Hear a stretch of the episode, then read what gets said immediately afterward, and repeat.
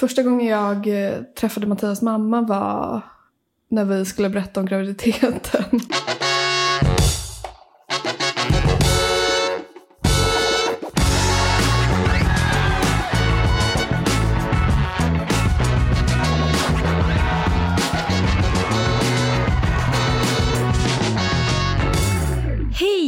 Välkomna till Gott Folk, podden där jag, Hanna, sätter svenska profiler i moraliska dilemman. Hur väljer de när inget av valen är att föredra? Och tycker de själva att de är bra personer? Och vad är egentligen en bra människa? Veckans gäst är Moa Wallin. Kanske är hon mest känd från den nyss nedlagda podden Della Q.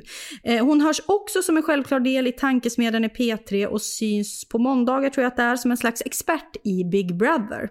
Jag känner ju inte Moa privat, vi har stött på varann sådär genom gemensamma bekanta. Eh, jag känner mig lite nervös den här, inför den här intervjun. Eh, dels för att jag vet ju att de kan vara ganska hårda i Della Q. Mina kompisar lyssnar ju på alla avsnitt. Jag har inte riktigt vågat lyssna på precis alla Della Q-avsnitt just för att jag Uh, har varit lite rädd att de ska snacka skit om mig. Uh, Jag vet inte varför de någonsin skulle göra det, men jag uh, försöker undvika all sån, eh, sån, sån eventuell kritik. Så därför har jag inte lyssnat på alla avsnitt, det kommer jag inte säga till Moa dock. Men eh, jag, jag har hört att hon ska vara väldigt gullig och att eh, sen har vi DMat och då hon var också väldigt gullig. Plus att hon eh, är ju gravid, precis som jag, så det kan man ju alltid snacka om. Eh, hon fick ju inte outa den här graviditeten på samma sätt som jag kanske fick. Men eh, ja, det ska vi också prata lite om, om hon vill. Det får vi se. Eh, nu säger vi välkommen in, Moa Wallin. Välkommen Tack snälla. hem till mig. Ja. Det är alltid lite så svettigt för mig att ha folk som jag inte... Vi känner ju inte varandra. Nej. Eller vi har ju setts någon gång sådär. Ja, Vi har gemensamma bekanta.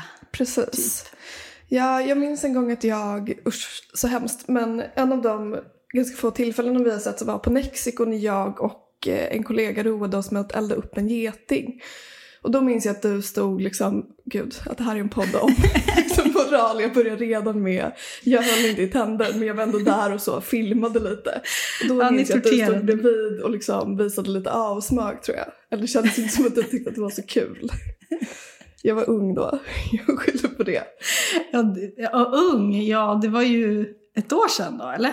eller Kanske tre år sedan. Aha. Ah, okej. Mm. Men det här ska ju inte handla om våran relation.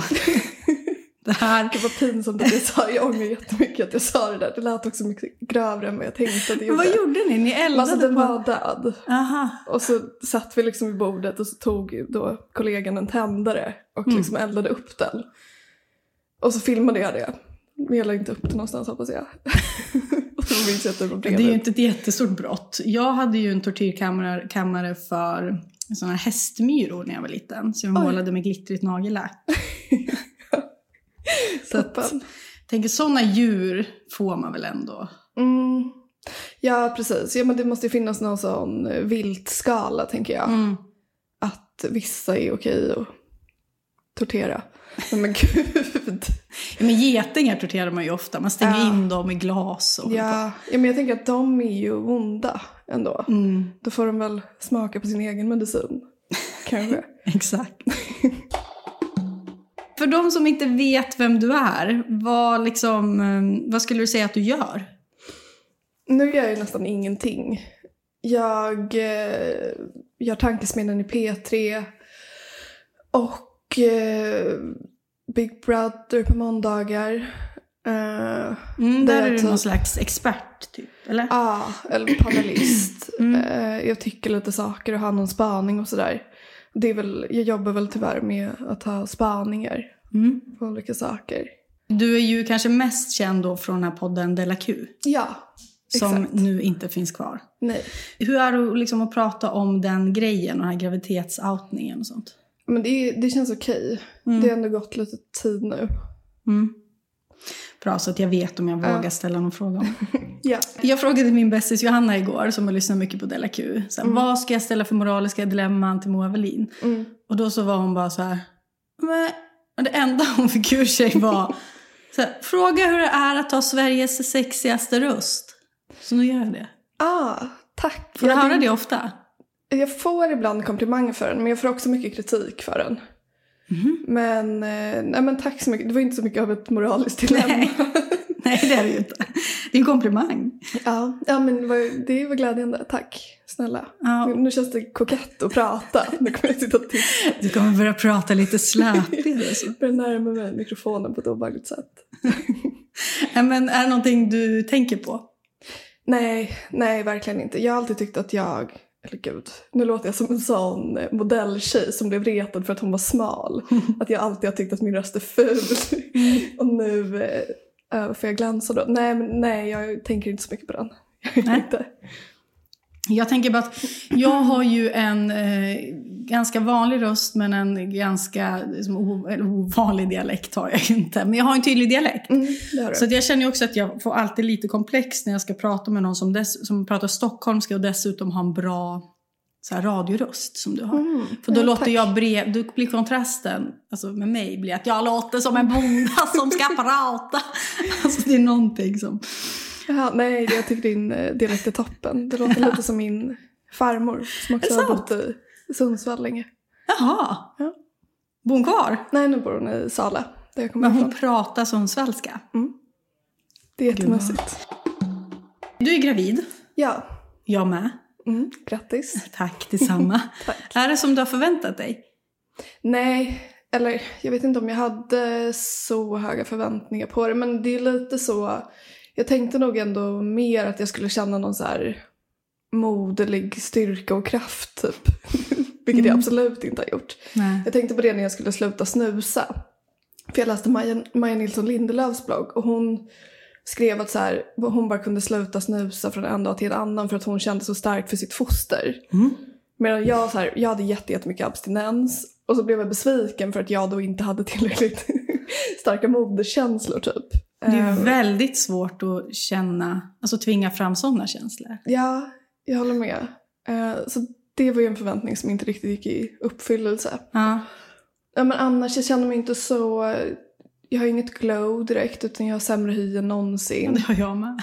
Det är så sjukt. Jag trodde verkligen, det trodde jag, att håret Ja. skulle bli fint och att hyn skulle bli slät. Men det blev ett- precis tvärtom. Ja. Håret kommer ikapp, Okej, vad bra. eh, tycker jag. Men hyn är ju katastrof för mig. Det fattar jag inte heller att folk... Eh, men men har, du har inte känt bebisen? Jag tror ju att jag känner den nu, Mm. men det är antagligen inte det. Men jag har ibland känt liksom något slags fladder som jag har tänkt då först är nervositet för att det är tydligen en grundkänsla som jag har. Mm. Men sen har jag insett att så här, jag är hemma, jag är inget att vara nervös Mm. för, det kan vara något annat. Och då tror jag att det är kanske bebisen. Ja, det är lite som mig och gaser. Att det är mitt nat- naturläge. Så att jag var lite så i början, bara, är det en fis eller är det nu fostret? Eh, men det är fostret. Nu Ja. är det ju, jag kan ju säga då, det är ju hemskt då att man, jag var några veckor före, men att då ska vara någon slags expert. Och så här, om några veckor kommer Men eh, nu så känner jag eh, han, som jag, jag ska få en pojke, mm. eh, jättetydligt. Mm. Och då tycker jag att det är mycket lättare att bli lite så här, eh, alltså känna saker för en. Mm. Alltså bry sig om det. Mm. Det Ja, jag kan tänka mig det. Ja, det blir mer konkret ja. Ja nu är det bara som ett väsen, mm. känns det som. Och så pratar jag ju också med honom ibland och sådär. Det hjälper ju. Ja. Men man känner sig som ett psykfall. Nej. Nej, det känns inte så normalt.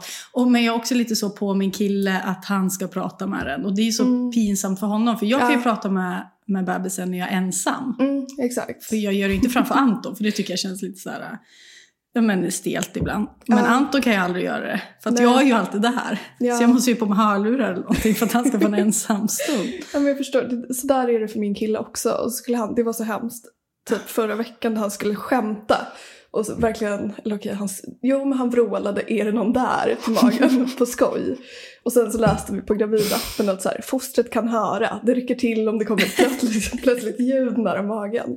Så jag skrämde ihjäl tyvärr. Ja. Nej, men det är ju, de där gravidapparna är ju roliga för att det är ju mycket dumt som står i dem också. Ja, extremt. Eh, du fick ju inte outa din graviditet själv. Nej. Det här var ju någonting som tidningarna skrev om. Mm. Eh, Ja. Hur var det?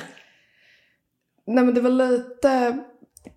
mest var det nog så att jag skämdes inför min kille. För att jag har ju ändå haft min beskärda del av typ dramatik och sånt där. Och jag vet att folk ibland kan, vara, kan göra knäppa saker. Men för Mm. honom, han är ju ändå en, mer av en, alltså jag tycker inte att jag är en offentlig person, men han är ju verkligen en privat person. Mm. Så att för honom blev det lite konstigt att, för det är hans barn också, och att det skulle outas på det där sättet.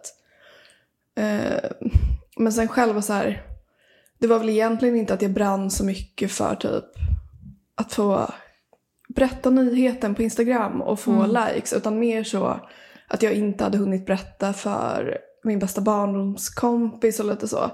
Det var ju tråkigt. Mm. Men eh, ah, jag tänker att det är också något som man knappt kommer minnas när bebisen kommer. Precis. Det är så mycket annat som är kul runt det. Sånt där får ju Exakt. inte ta bort det härliga och Precis. soliga. Exakt. Men för er som lyssnar och inte vet så var det alltså en poddkollega, Anna Björklund. Eh, poddkollega, ja, men en, en kompis kan man väl säga. Ja. Som eh, ni hade någon slags konflikt och hon skrev ut det på sin Instagram då. Och lite så låtsas oförstående. Det upplevde jag det som att det var elakt. Liksom. ja. Eller hon jo, kanske inte... Har ni pratat efteråt? Eller? Nej, jag smsade henne och bad henne att hon kan väl få berätta sin historia eller sin version av podden. Men att hon kunde hålla ändå min familj utanför det. Men det svarade hon inte på så att vi har inte hört sedan dess. Nej. Den här podden handlar ju till stor del om vad som är en bra, dålig och dålig människa då. Eller vad som är en god person. Tycker du att du själv är en bra person? Det vore sjukt om jag sa att jag var det efter geting-grejen. nej, nej, inte en aktivt bra person. Inte en aktivt ond person heller, förhoppningsvis. Nej. Nej, jag är väl någonstans, någonstans mitt emellan låter ju också så, så deppigt. Men nej, jag skulle inte beskriva mig själv som god, men kanske aspirerande god Mm. i alla fall. Är du en person som tänker mycket på så här, mina, hur dina handlingar drabbar andra? Eller liksom hur... Ja, jag är nog det mer nu. Det är också efter att ha en podd, efter att ha haft en podd som Della Q så fattar jag, eller så har jag nog förstått det mer än vad jag gjorde innan. Liksom, för jag tänker att den var eh, bitvis lite elak, eller bitsk åtminstone. Mm. Ehm, och det var inget som vi reflekterade över då för att vi behandlade den som ett samtal mellan vänner och drack vin och tänkte aldrig på att det skulle släppas sen riktigt. Eh, så jag har nog blivit medveten om det i efterhand. Mm. Också med, i takt med att jag själv har fått publicitet och då märker att man eh, liksom inte bara är ett eh, så här, objekt i fjärran som eh, en person som folk känner till utan att man ändå så här, faktiskt tar åt sig av vad folk säger eller skriver om en. Mm. Ja, något man Skulle kanske borde inse tidigare. Men det är inte alltid jättelätt. Men, men har du... Skulle du säga då att Della Q-tiden har gjort dig snällare? Mm. Ja, Alltså i den bemärkelsen då, att, man att du tänker på hur, hur, hur dina handlingar drabbar andra då? Eller? Mm. Jo, men det, det tror jag. Mm. Absolut att den har. Ja, det, var, det kanske också lite snävt med Della Q att det blev så att man inte fick visa upp, eller fick, men vi fastnade ju ganska snabbt i en mall och då, där var det kanske inte de goda sidorna som premierades. Mm. Eh, Men de, de har ju alltid funnits där, det är inte så, jag, jag är inte bara Della Q Moa heller. Nej. Ja men och som du säger, för man har då en podd där man glömmer bort att det ska sändas. Man sitter och dricker vin. Alltså jag menar, man har ju konflikter med sina kompisar, eller man, man pratar ju så med sina kompisar. Alltså där kan det ju uppstå den typen av dynamik och sådär. Men eh, det blir ju såklart en annan sak när det sänds. Vad, vad skulle du säga, när, när känner du dig som bäst? När känner du att så här, men nu är jag bra? Om du känner så någon. Mm. Ja, men jag känner mig nog ganska bra när jag är min kille tror jag. Eller jag tycker han är väldigt bra på att lyfta upp mig och berömma mig och sådär. Mm. I och med att vår, vår relation också är ganska ny så är det väl också så att man ser sig själv lite genom hans ögon och han har fortfarande en ganska positiv syn på mig då för han vet väl inte vad som ska komma. Eh, Är det på riktigt så du känner? Kan du inte känna då att... nej. Nej. Nej då. Nej, nej, det här ska väl gå bra. tror jag. Men det är ju väldigt fint. Ja, Att det är liksom med han som du mår. Så- Eller känner det som bäst. Så ska ja, det ju vara. Ja, det är väldigt skönt nu i karantänen framförallt. Det hade varit hemskt om det inte var så. Mm. Jo, eftersom jag bara umgås med honom. Jo, men han är toppen. Vad- när känner du det som sämst då? Ehm, innan jag ska göra något tror jag att jag alltid känner mig lite dålig. Mm. Ehm, Alltså som innan du kom hit? ja, ja då, men det, det, ja, det kan ibland vara en ganska bra grundinställning. Att man tänker att Nej, men det här kommer ju gå åt helvete. För att man blir ändå då förhoppningsvis positivt överraskad. Mm. Mm, men det är nog då jag känner mig som sämst. Men jag lider inte så mycket av det tror jag inte. Nej. Vad skulle du säga är en bra person då? Alltså om du ska Mm, kategorisera. Eller om du tänker på någon speciell. ja, jag tycker att min syster är en väldigt bra person. Mm. Jag, vet inte, jag tänker att det kan spilla över på mig bara för att vi är släkt. typ. Men det är ofta så att jag kanske ringer till, ma- till mamma och frågar vad Maja gör idag och så är det alltid så, nej men hon är mer den lokala tiggaren hos barnmorska liksom. Så hon är Oj. väldigt mycket en sån person. Eh, så hon, hon är väldigt god. Jobbar som sjuksköterska också. Mm. Mm. Skulle du säga att du har eh, mycket dåligt samvete?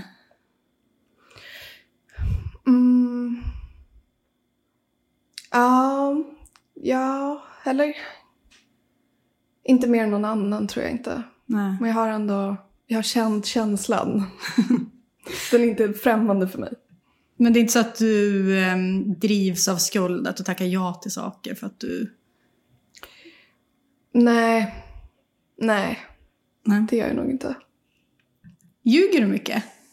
Mm. Det gör jag. Inte så mycket om saker som verkligen betyder något, men jag kan ändå trassla till det ganska mycket med mina lögner. Häromdagen så sa jag till min kille att jag är en av de bästa i Sverige på fiske.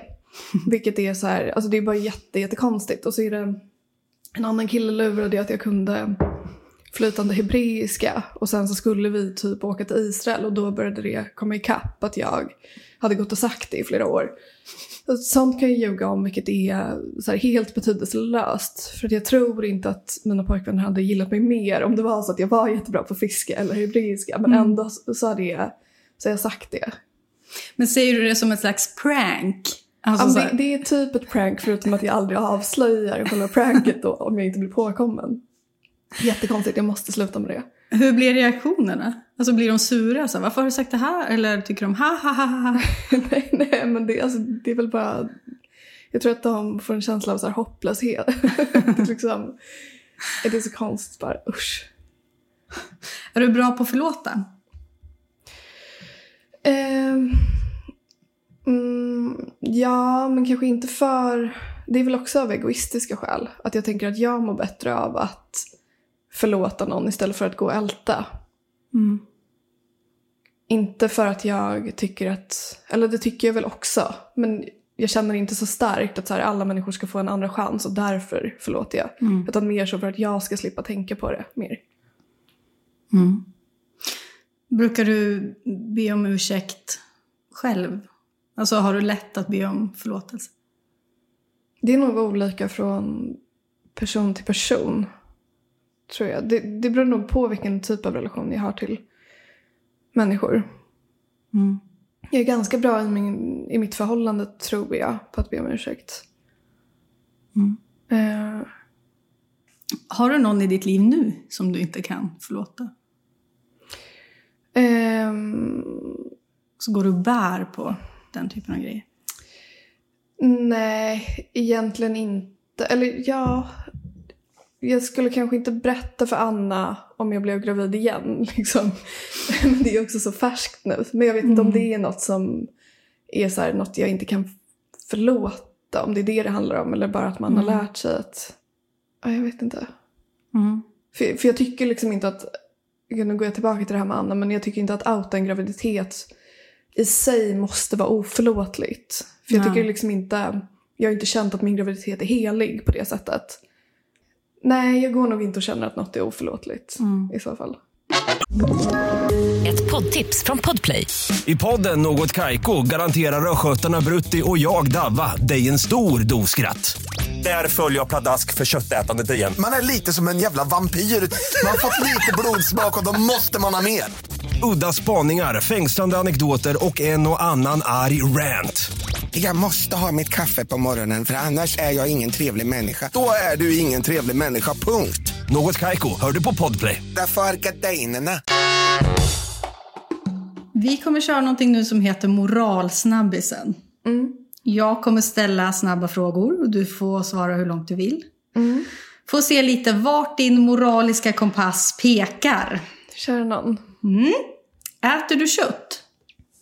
Alltså, ja, det gör jag. Men typ inte för att jag själv inte kan laga kött. Det är inte heller någon sån godhetsgrej. Utan att jag själv inte har en aning om hur man typ steker köttfärs. Och därför så blir det mest vegetariskt. Alltså, hur kan du inte veta det? Men för att jag aldrig har gjort det. Jag, var, jag har varit både vegan och vegetarian. Ah, och, så, okej. och det var typ när man lärde sig att laga mat. Mm. Och nu vet jag inte... mm, Jag vet bara inte hur man gör. Du vet kan- alltså hur man skivar en falukorv och slänger Alltså, ner den jo, men i... jag, kan, jag kan göra skivor. Det är ungefär som när man skivar liksom en gurka. Men så här, jag vet inte när den är klar. Ja. Till exempel. Men nej, jag, så jag lagar bara vegetariskt. Men jag äter kött om det bjuds. Mm. Har du någon klimatångest? Ja, det har jag. Men jag har stängt av. Jag har stängt av corona också.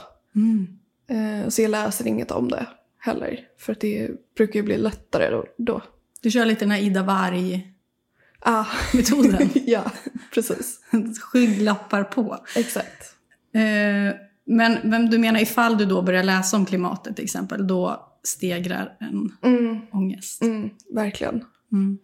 Ja, och det har ändå blivit lite värre nu när man ska få barn. Jag är så himla rädd för att barnet inte ska få se snö typ. För det var alltid vad vuxna sa till en när man var liten. Att så här, Mm. när ni blir gamla så kommer inte snön finnas kvar. Jag vet inte om det stämmer. men, men sånt tänker jag väldigt mycket på nu också. Mm. Och har ångest för. Källsorterar du? Alltså nej. Gud. Apropå min klimatångest. Men nej, det, det gör jag inte. Jag vill, jag vill skylla på min kille på något sätt men jag kommer inte på något. När ni har precis flyttat ihop då? Ja, Men, och han hans- källsorterar inte heller då? Nej, Nej. i hans lägenhet. Det är alltså vinflaskor rakt ner i sopen? Nej, det är det ju för sig. Okej, ja men då sorterar man ju lite. Ja. Jag kastar ju inte batterier ner Nej. i liksom hushållssoporna. I alla bra. fall. Ja, ja men det är steg på vägen. Men det är inte så att jag håller på så mycket. Vi har en sån, jag tycker det är så lyxigt, det är så få lägenheter som, fort- som fortfarande har dem. De här som man bara öppnar Oh, i trappen och slänger ner. livsfarligt. Ja. Alltså där åker ju allting ner.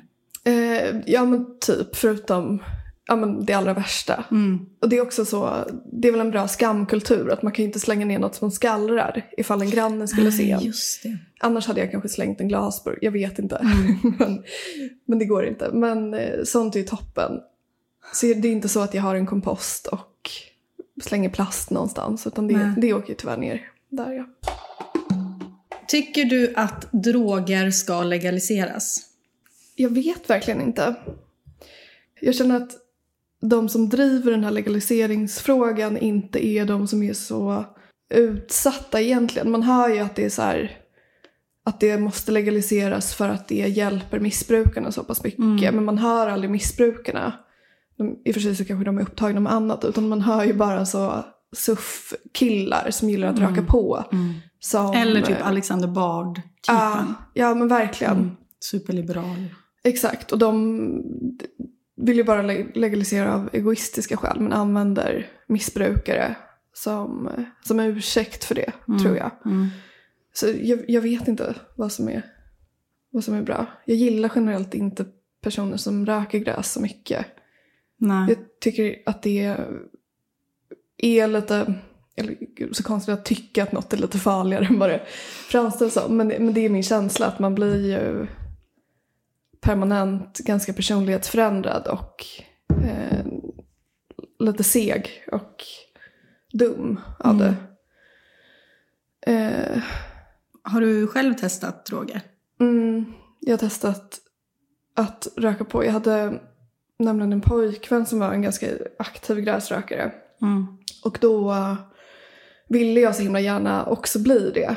Så att jag försökte ändå då röka gräs med honom kanske fem gånger. Men varje gång slutade det med att jag bara kaskadspydde och trodde att polisen stod utanför.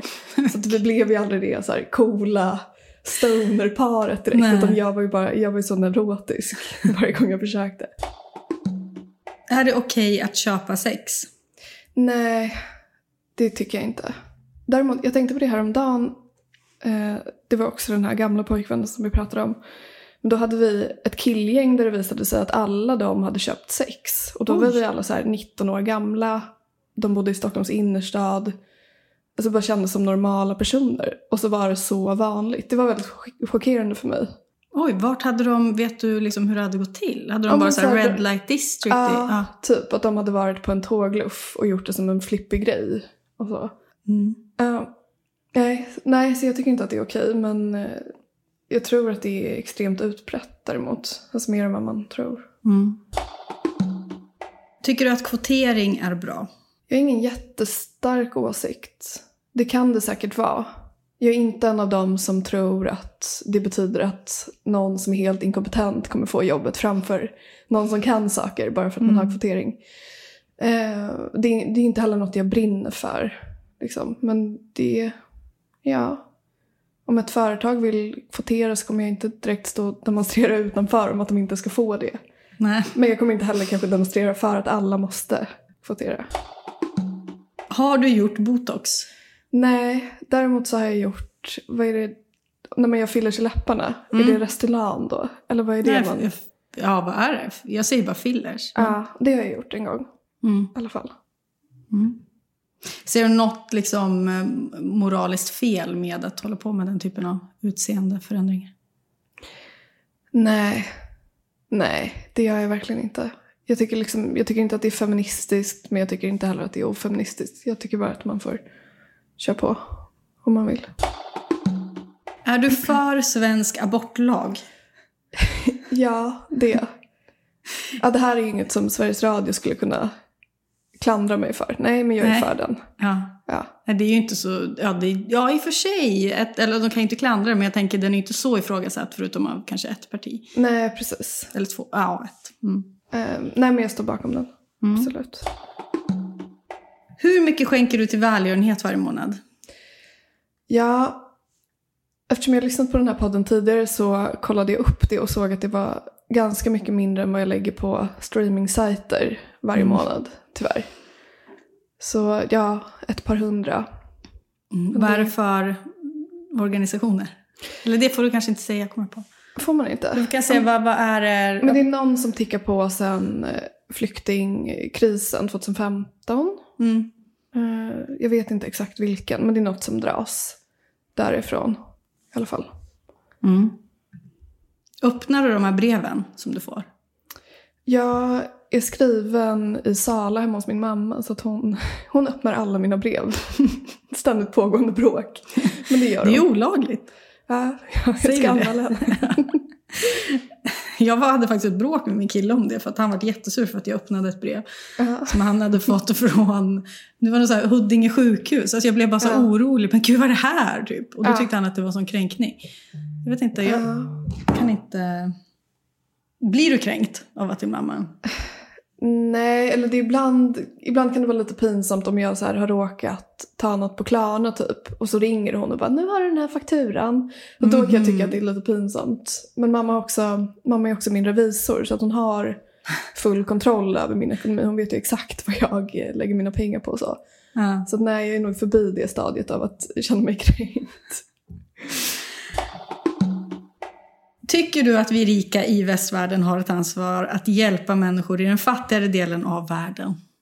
Ja, det tycker jag. Ganska ledande fråga i och för sig. Ja, men det tycker jag absolut. Sen är det ju kanske ibland svårt att ta sånt individuellt ansvar. Det är precis som med klimatet. Mm.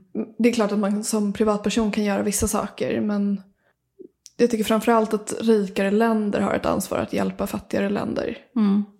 Absolut. Mm. Du tänker mer så på en statlig nivå? liksom. Mm. Har du varit otrogen? Ja, det har jag varit. Var det kul tänkte jag fråga nu, men det kändes så grovt. Ja, eh, vill du utveckla? Ja, det var också ganska länge sedan. Mm. Det var flera år sedan.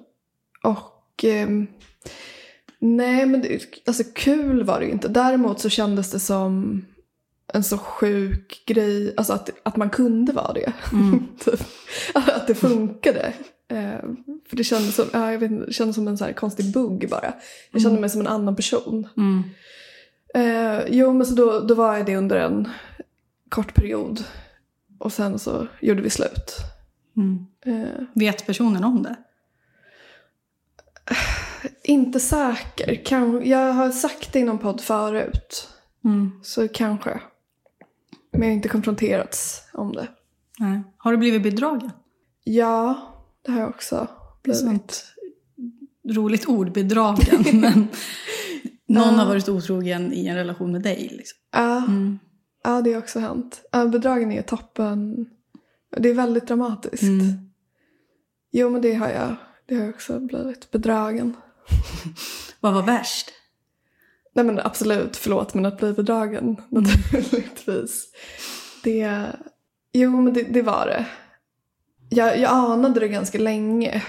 Mm. Och det var ju en jobbig känsla av liksom paranoia, eller att man började tvivla på sig själv. Jag kände mig lite som så Carrie Homeland Mm. första säsongerna när hon ehm, tror att Brody är terrorist. Ja, eller när det. bara är hon som har insett det. Mm.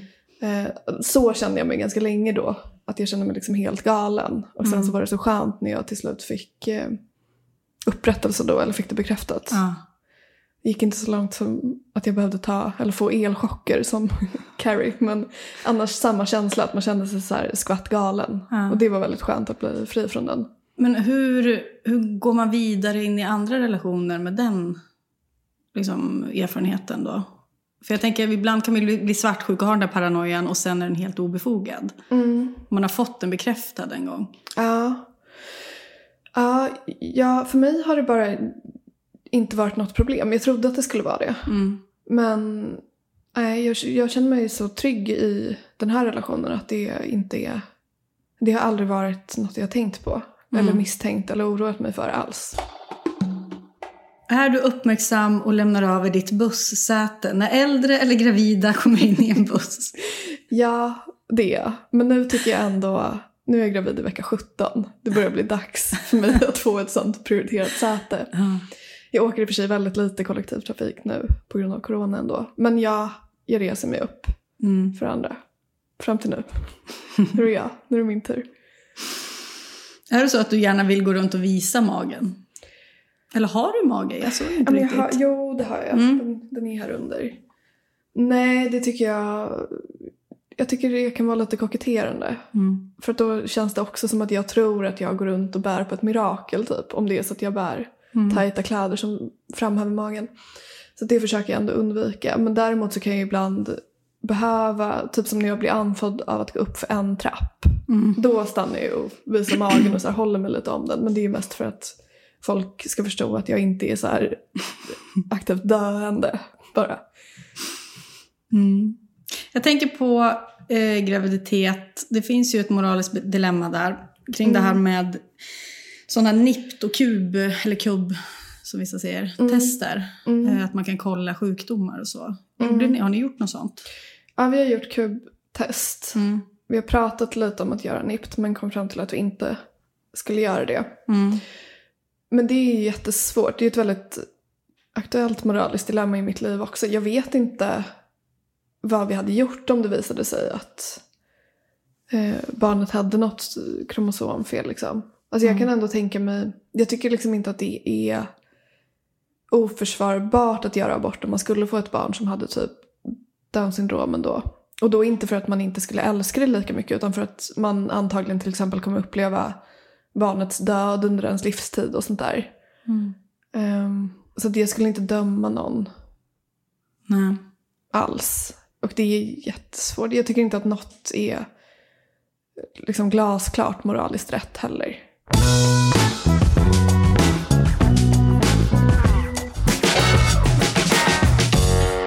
Det här segmentet heter Vad sa du, sa du? Oj. Eh, och där har jag då hittat ett litet citat från dig. Ja, Eh. det här har jag oroat mig så mycket för.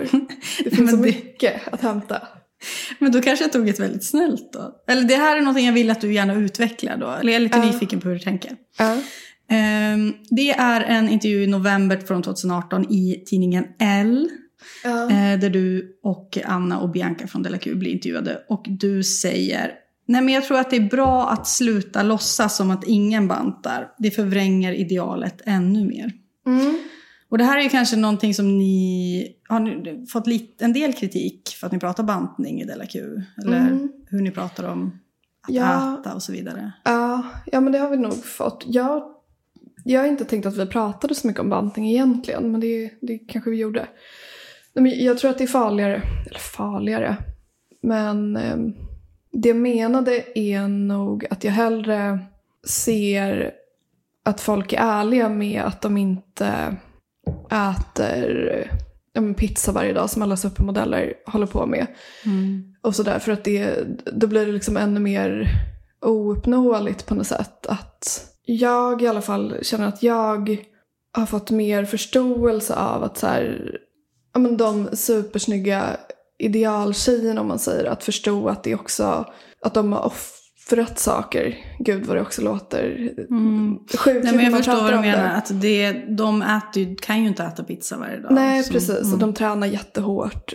Och eh, det är liksom in, inte så lätt att se ut som en supermodell. Och det kan jag störa mig på att folk försöker framhäva, eller får att låta som. Mm. Att det är så här superenkelt. För att det skapar ju en bild av att alla skulle kunna nå dit. Mm. Som att det liksom inte är en elitsport att äta som en modell. Utan så här, så alla kan komma dit. Alltså att det blir som, eh, jag tror bara att det skapar liksom osunda och konstiga förväntningar och eh, kanske skuld hos folk då. Mm. Som tänker att, eh, ja, men att de tänker att så här, varför, varför kan inte jag göra det här då? Det där är ju intressant för att jag, jag tänker mycket på det. Eh, jag som på något sätt har varit på internet länge och var någon slags feministisk person. Eh, och ändå har jag gjort botox till exempel. Eh, och det var, har jag också så här brottats lite med om man ska berätta om det. För att då kanske folk, eller å ena sidan tänker folk så här, men gud du, du är över 30 och du har inte så mycket rynkor, varför? Eh, å andra sidan så finns det ju här, om jag säger att jag har gjort botox, skapar jag något slags liksom, eh, normalläge om att man måste göra det. Så skapar jag något slags, eh, ja, fattar du vad jag menar? Att det är lite så, kanske samma grej med bantning då. För man, man, om man är ärlig med det, då finns det kanske en risk med att, ah, okej, okay, får jag ditt matschema, då ska jag följa det. Liksom, att man kan...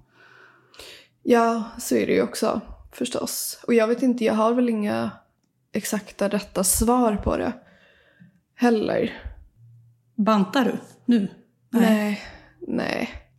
Det var ganska länge sedan. Nej, jag har nog aldrig riktigt bantat så. Eller jag har ju haft, fast det var inte bantning utan då var det mer ätstörningar i tonåren och sådär. Men sen dess har jag nog ätit ganska mycket sånt som jag känner för. Eh, Och sånt jag kan laga då, vilket begränsar mig en del. Vilken är den vanligaste rätten? Jag var bara nyfiken på vad du... Ja, jag äter nästan varje dag samma sallad. Med spenat, tomat, gurka, soltorkad tomat, rödlök och kikärtor. Och fetaost. Mm. Det lät ju gott. Ja, den är toppen. Varje dag. Ja, men nästan. Jag tröttnar aldrig på den. Det här har pågått i fem års tid. Jag kan fortfarande längta efter den. Jag blir så sugen på den. Vi ska gå in på moraliska dilemman. Och det här är ju då påhittade grejer. Så det behöver inte vara så här, nej det där skulle aldrig hända. Nej. För att det, Gud vad störigt om jag skulle säga så. Men det eh, upplever jag ju då i Fördomspodden, jag lyssnar på den ibland. Att folk är lite så här, var har du fått det där ifrån? Istället för att Ja. bara svara. Alltså de fattar liksom inte. Det gör mig galen. Därför Ja. vill jag säga till alla gäster att Det här ja, är ju då hittepå. Men, Ehm, din kompis Ingrid, Mm. Aka, heter hon Baconfjäril på Twitter? Ja. Mm. Hon ringer dig i kris. Hon är vräkt och har ingenstans att bo och frågar nu om hon skulle kunna bo hos dig och din kille i ungefär två veckor. Du vet att det här kommer bli lite jobbigt och du är trött, gravid, vill sova och Ingrid kommer ju kanske vilja festa en del och så. Två veckor riskerar att bli en månad, samtidigt är hon en nära vän och hon är i nöd. Vad svarar du? Gud vad svårt. Ja, jag, är då, jag och min kille bor i en etta. Han känner i och för sig också Ingrid och jag är typ skyldig henne det för att varje gång som jag har flyttat ut från en kille så har jag flyttat hem till Ingrids mamma och bott med henne. Så uh, nej, hon hade ju varit välkommen då att sova på soffan som är uh, en halv meter från där jag och min kille sover. Välkommen. Men du hade kanske lite då motstridigt sagt ja? Eller? Ja, ja, jag hade skämts för att jag ställde till det för Mattias också då. Som drar in min kompis där då tre dagar efter att jag har flyttat in. Men ja, ja så, så hade det fått bli tyvärr. Hur är du som kompis? Är du en sån som ställer upp? Ja, det vill jag tro i alla fall. Jag känner mig som en väldigt lojal vän. Jo, men det skulle jag nog ändå säga att jag gör. Mm. Gud, det känns, gud vad det känns som att du har hört något annat. Nej. Det gör som gäst i Fördomspodden. Ställer du verkligen upp? Ingrid har ju berättat för mig att du... Eh, har du få nära vänner eller många ytliga? Få nära vänner. Mm. Som du har känt länge då eller? Mm, ganska länge. Några barndomsvänner. Eh, och sen ja, men några nära som jag har lärt känna typ under de senaste fem åren. Det är dags för Moa Wallin att föda. Det är tyvärr fortfarande coronatider och förlossningsvården är väldigt noga med att ingen partner med något slags förkylningssymptom får följa med på förlossningen. Din kille har lite ont i halsen. Han har någon grad feber. Eh, Om det här når förlossningen så kommer han inte få följa med. När du ringer barnmorskan på förlossningen och berättar att ni är redo för att åka in så frågar hon om ni båda är virus och symptomfria. Vad, sa, vad svarar du? Gud, det här pratade vi om igår. Okej, om man har feber så är det ändå... Då hade jag nog sagt det. Däremot, om man bara var lite snorig, det var det vi diskuterade igår, hade man ändå... Fast det är också helt sjukt att dra in corona på ett sjukhus, vem gör det?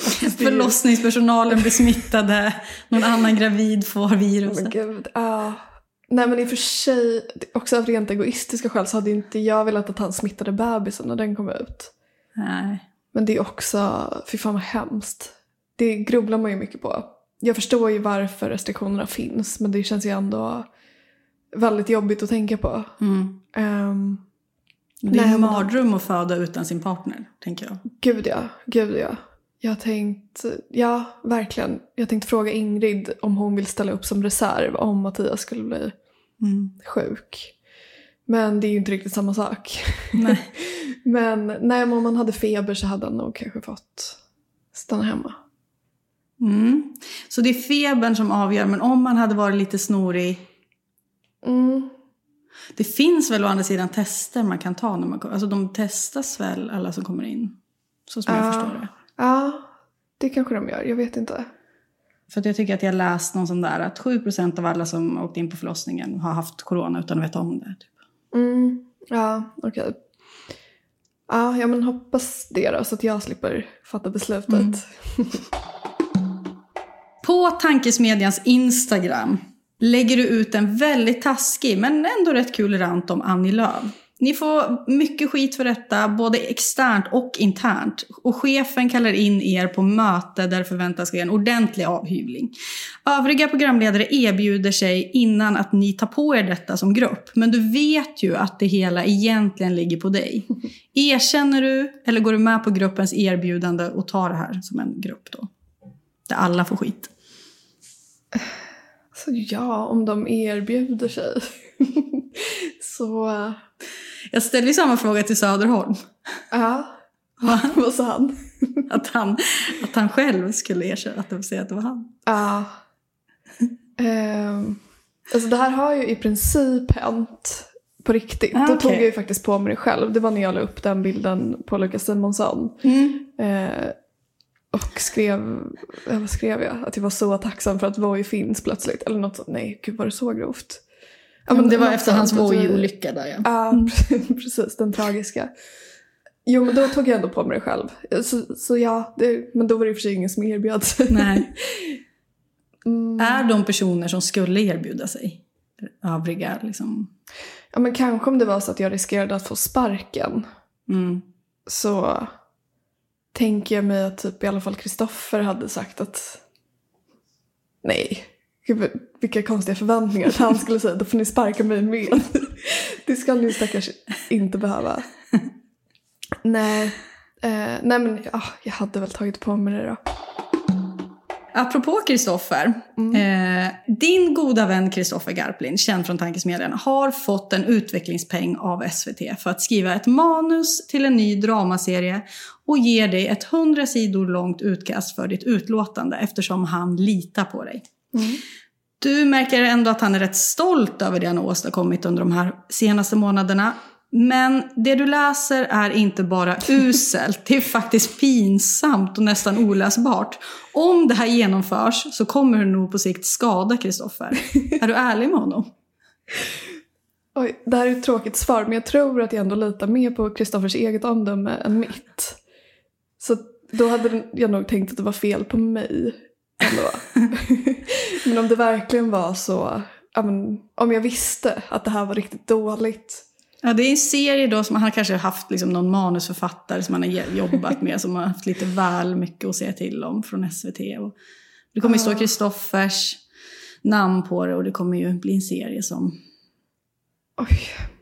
kommer vara värre än Söder om Folkungagatan kanske. Nej, jag hade, jag hade inte sagt något. Förlåt Kristoffer, men jag hade inte gjort det. Jag hade, då hade han fått lära sig en läxa då, till framtiden. Ja, då vet han det. ja. Vad hade du sagt då? Oj, vad bra. ja. Exakt så hade jag sagt. Ring, ring! Det ringer på Moa Wallins lur. På andra sidan hörs en rosslig röst. Det är Stina Wolter som hör av sig. Hon har fått ett erbjudande från Spotify att starta en podd ihop med dig och retorikexperten Elaine Eksvärd. Podden ska heta Feministpodden och tanken är att ni tre, ni tre en gång i veckan ska ha ett kaxigt tjejsnack. Lönen är 75 000 plus moms i månaden. Tar du det? Nej. Hårt nej. Det krävs inte jättemycket förberedelser. 175 000. Feministpodden. Alltså nej. Nej, jag hade inte... Nej. Tyvärr. Det är mycket pengar ja, det, det är det. Men till nej. framtida barn. Ja, nej. Nej. Det Insats i en härlig gått. trea. Jag hade ju i och för sig stort behov men, men nej. Jag hade fått lösa det på ett annat sätt. Alltså vilket annat sätt som helst. Vad är det som skaver mest med det här erbjudandet? Det är svårt att välja ut en enskild del av det för att allt är så... Ja, men dels så vet jag att både Stina och Elaine ogillar mig extremt mycket så jag kan tänka mig att det skulle bli ett fruktansvärt samtal. Liksom bara så att Elaine kanske skriker på mig och Stina som försöker medla lite grann. Eh, och sen också... Nu är det Ursäkta, någon som försöker inbrott. paket. Eh, nej men också delen med att ha ett kaxigt samtal känner jag inte... Jag känner att jag har gjort nog med kaxig tjejgrejer för livet, kanske. Eh, ja, feministpodden hade jag inte heller eh, tyckt det var så kul att ha en podd som hette. Nej, nej. Mm, ja. Vad har ni för konflikt? Jag, fick, jag tog de här namnen av en anledning, men sen kom jag inte riktigt på, så har de någon konflikt? Alltså, ja, men jag blev lite förargad när Elaine la upp på sitt stora Instagramkonto att jag var nazist. Det Ursäkta? kändes inte... Ja, Ja, i form, i... I form av att Nordfront hade skrivit om mig. Och hon trodde det, då att det var någon så här... äh, Att de gjorde det för att jag också var nazist och inte för att de... En klassisk slutledning. Eh, så då ringde jag faktiskt upp henne på kvällen, men hon, eller hon svarade inte. Men då var jag väldigt stött och arg för att det var så Ja. konstigt. Och jag var lite rädd att folk på riktigt skulle tro att jag var nazist då. Så den konflikten har jag haft med Elaine. Med Stina Walter Förlåt, jag måste bara fråga. Nordfront skrev om det, var det i samband med Big Brother?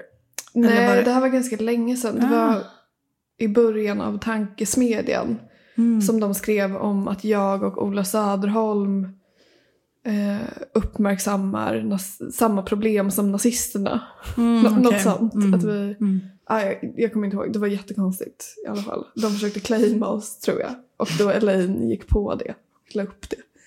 Jag trodde att vi var nazister. Och Stina Wolter? Ja, det känns som att jag har pratat om henne i någon podd. Vi har ingen, eller vi har ingen konflikt. Jag vet inte om Stina Wollter vet vem jag är. Men det känns inte som ni kanske har samma bild av... Nej, vi skulle nog inte komma så bra överens, tror jag inte. Nej. Yes. Om eh, Anna och Bianca skulle ringa med samma erbjudande om en ny säsong Della Q, där lönen var 175 plus moms i månaden. Nej. Du blir tokkär i en helt otrolig kille. Vi kan kalla honom Kalle. Och Kalle är tokig i dig. Herregud, har du någonsin känt så här starkt förut? Kanske inte. Ni har, helt otroligt, eh, ni har det helt otroligt bra och börjar verkligen älska varandra. Ungefär sex månader in i relationen kommer det fram att han har väldigt svårt för två av dina närmsta kompisar.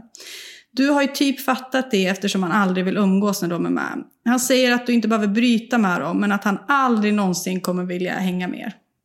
Vad gör du? Oj. Gud vad sjukt. Om man sa, ja. Att han aldrig någonsin skulle kunna tänka sig. Här försöker jag liksom få tag i så här killar versus kompisar. någonting. Eh, då hade väl jag... Ja, ibland i relationen kanske man får acceptera saker som man tycker är helt sjuka. Jag hade inte brutit med kompisarna, men det behövde jag inte heller va? Nej, Nej. men det kommer ju bli lite jobbigt kanske. Man umgås väl ofta lite så i par och kompisar. Ja. Nej, men då hade jag väl ändå... Jag hade tyckt att det var otroligt märkligt och jag hade såklart blivit väldigt stött och arg. Men i slutändan så hade jag väl ändå fått tänka att så här, okej, då, jag, då kommer jag någon gång säkert ha något så helt orimligt krav som han måste gå med på. Då. Mm. Måste man gå med på? Alltså du sa att man, i en relation så... Nej, man- det, nej det, det måste man ju inte. Det hade ju inte... Jag hade inte höjt på ögonbrynen om någon kompis till mig inte hade accepterat det där heller. Jag hade ju tyckt, Mm. om jag var en av kompisarna hade jag såklart tyckt att killen var galen. Mm. Nej, man måste väl inte. Ibland kan det ju kanske vara bra att kompromissa, men det beror ju också på med vad. Det är dags för antingen eller. Du kanske har lekt pest eller kolera. Det här är samma grej. Åh. Superavancerat. Antingen så har du ett BMI på över 27 för resten av ditt liv. Det vill säga en lättare övervikt. Mm. Du kommer liksom aldrig bli av med det. Eller så måste du för resten av ditt liv varje månad ge 10 000 kronor av din inkomst till MUFs festkassa.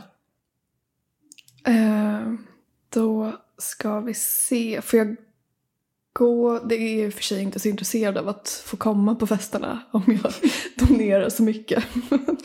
Jo, du får göra vad du vill med de här. Men det är, liksom, Ja. det är MUF, de gillar att festa. ja, ja, 10 000 till MUF då. Mm. Fast usch, nu låter det också som att jag så har en superkropp som jag är så mån om. Det är inte det jag menar. Men det känns bara så jobbigt. Att... Ja, Du menar det är inte bara utseendemässigt då, det här BMI på över 27, utan det är... Ja men såklart främst utseendemässigt men även hälsomässigt så är det väl lite tråkigt och så. Mm. Nej, det hade, jag hade valt MUF-festerna. 10 000 är väldigt mycket. Gud, det är så konstigt att försvara för sin partner. Det kommer ut en bild på dig från femte klass där du uppträtt som Janet Jackson iklädd ett fullständigt blackface. Eller så, så tvingas du åka på stand-up-turné där du är något slags förband. Eller för, jag vet inte, vad heter det? Försök hitta det. Men det, jag vet inte heller. Men något För gig. Ja. Ja. Du ska alltså köra stand-up då. Åt Johanna Nordström. Ja, det är ju blackface. Jag är ju ändå ett barn. Jo. Det är, Men det, du vet, den kommer ju spridas på Twitter. Det kommer liksom vara Moa Wallin i Åh. blackface. ja, usch, jag kommer bli en meme. Det är för sig min största rädsla i livet. Ja, nej, men det. Jag hade valt det ändå. Är det för att du är rädd för stand-up eller är du rädd för Johanna Nordström? Eh, det är väl en kombination tror jag. Och jag hade känt mig lite förödmjukad av att vara för band till henne också tror jag. Eh, nej men också, jag är inte, jag hade inte varit så bra på en standup-scen heller. Usch, nej och så jobbigt att åka runt och så gravid, nej. Okej, det blir alltså blackfacet. Ja, tyvärr. Johanna Nordström, är det någon du har en konflikt med? Nej, det är det väl inte egentligen. Gud, att varje namn som nämns. Kul också att min fråga alltid... Ja, men det är inte... För jag får mig att du har skrivit om henne på Twitter, va? Mm, ja, men det har jag gjort. Men det vore lite orättvist mot henne tror jag att säga att, det var en, att vi har en konflikt för hon har ju aldrig riktigt svarat mig. Nej. Utan det är bara jag som eh, ibland har tyckt att saker hon har gjort har varit så extremt tråkiga. Mm. Eh, Så det var kritik mot hennes eh, yrkesmässiga gärning. Ja, ja men det har det nog ändå varit. Inte jätteseriös och liksom befogad kritik alltid, men eh, ja. Mm. Jag har tonat ner det dock senaste åren. Tycker du inte att någonting hon gör är kul? Alltså, det vore, jag konsumerar ju inte så mycket i och med att jag, det jag sett har jag inte tyckt har varit roligt. Så att jag, eh, det vore lite märkligt av mig om jag ändå skulle sitta och recensera varenda, varenda sak hon gör. Besatt av en. Ja, nej. Antingen är du känd som notoriskt otrogen utan att nödvändigtvis behöva vara det. Eller så är den du är ihop med känd som notoriskt otrogen men som nödvändigtvis inte behöver vara det. Och jag vet inte, jag vill hela tiden fråga dig vad du skulle välja. Jag har inget facit. Nej, det... Jag tror att min kille kanske skulle må väldigt dåligt av att vara känd som det. För att han lägger så stor vikt vid att vara liksom trygg och familjär. Att jag tror att det skulle tära mer på honom om han fick det här stora otrohetsryktet om sig. Så jag hade väl tagit på mig det då. Mm. Din kille, han verkar vara en väldigt bra person. Mm, ja. Är det, är det allmänt känt att hans pappa är journalisten Mats Knutsson? Eller är Eh, det hemligt? nej, det är inte hemligt. Men det är det. Ja, för att jag började, när jag gjorde research på dig så såg jag att Svensk Dam hade skrivit om din graviditet. Just Då var min första reaktion, va? Varför skriver de Moas graviditet och inte min? Så jag blev så här sur över det. Och så gick jag in och bara, jaha, hon, hennes pojkväns pappa är Ja. SVT-journalisten. Ja, Mats Knutsson ja. Ja, en väldigt märklig artikel för övrigt. Ja. Så konstigt bildsatt. Att det står Moa Wallin väntar barn men så är det en bild på Mattias föräldrar. Vad, har ni haft någon sån här söndagsmiddag? Mm, Mm. det har vi ändå, några stycken. Första gången jag eh, träffade Mattias mamma var när vi skulle berätta om graviditeten. Oj! ja. Eh, så att vi har ju börjat umgås ganska intensivt direkt. Ja. Och det är ju ett väldigt personligt samtal att ha så Ja, första gången man träffar någon. ja det, var, det var speciellt. Verkligen. Och Mats, han är trevlig. Ja, de båda är kanon. Jag tycker att han är en väldigt bra journalist. Jag Ja. vill hälsa honom. Det tycker jag med. Antingen blir ditt framtida barn mobbat eller så blir det en mobbare. Mm. Ofta är det ju så att folk som blir eh, mobbade sen har en lite ljusare framtid än mobbarna. Tycker jag att det verkar som i alla fall. Det känns som att det finns många mobbare som har en framgångsrik mediekarriär kanske, eller? Ja, jo det är för sig sant. Det känns som att mobbare går ju ändå att göra något åt förhoppningsvis då. Mm. Att man kanske kan försöka lära sitt barn att vara lite snäll. Så jag hade ändå valt mobbare till slut. Det, dock så känns det som att mobbare alltid har det så trassligt hemma. Det är väl det man hör. Mm. Och det vore ju hemskt om jag, har det, om jag och mitt barn har det så. jag vet inte.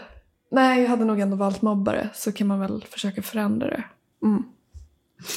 Yes, det är dags att eh, säga hej då.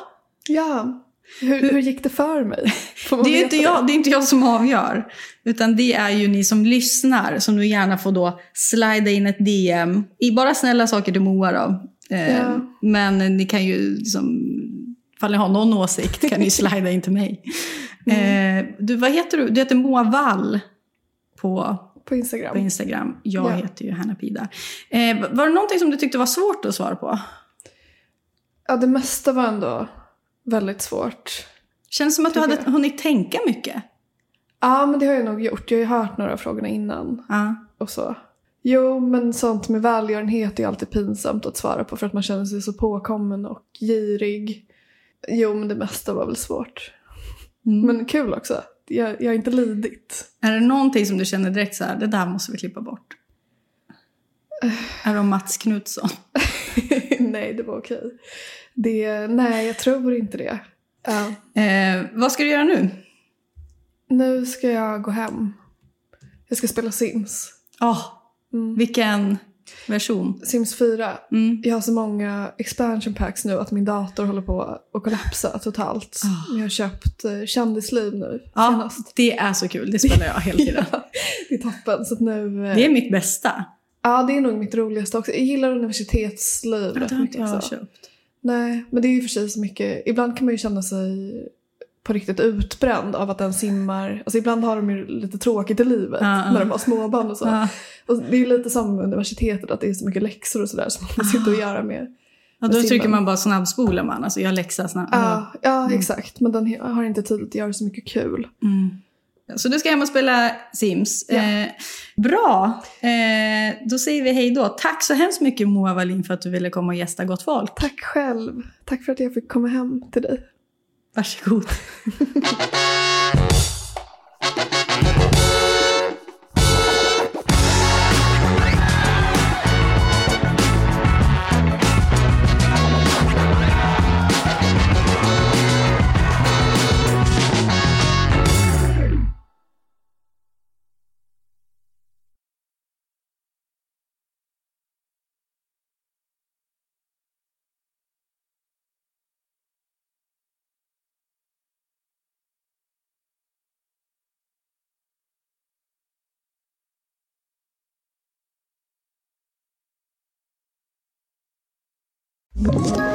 Ett poddtips från Podplay. I fallen jag aldrig glömmer djupdyker Hasse Aro i arbetet bakom några av Sveriges mest uppseendeväckande brottsutredningar. Går vi in med hemlig telefonavlyssning och, och då upplever vi att vi får en total förändring av hans beteende. Vad är det som händer nu? Vem är det som läcker? Och så säger han att jag är kriminell, jag har varit kriminell i hela mitt liv men att mörda ett barn, där går min gräns. Nya säsongen av Fallen jag aldrig glömmer på Podplay.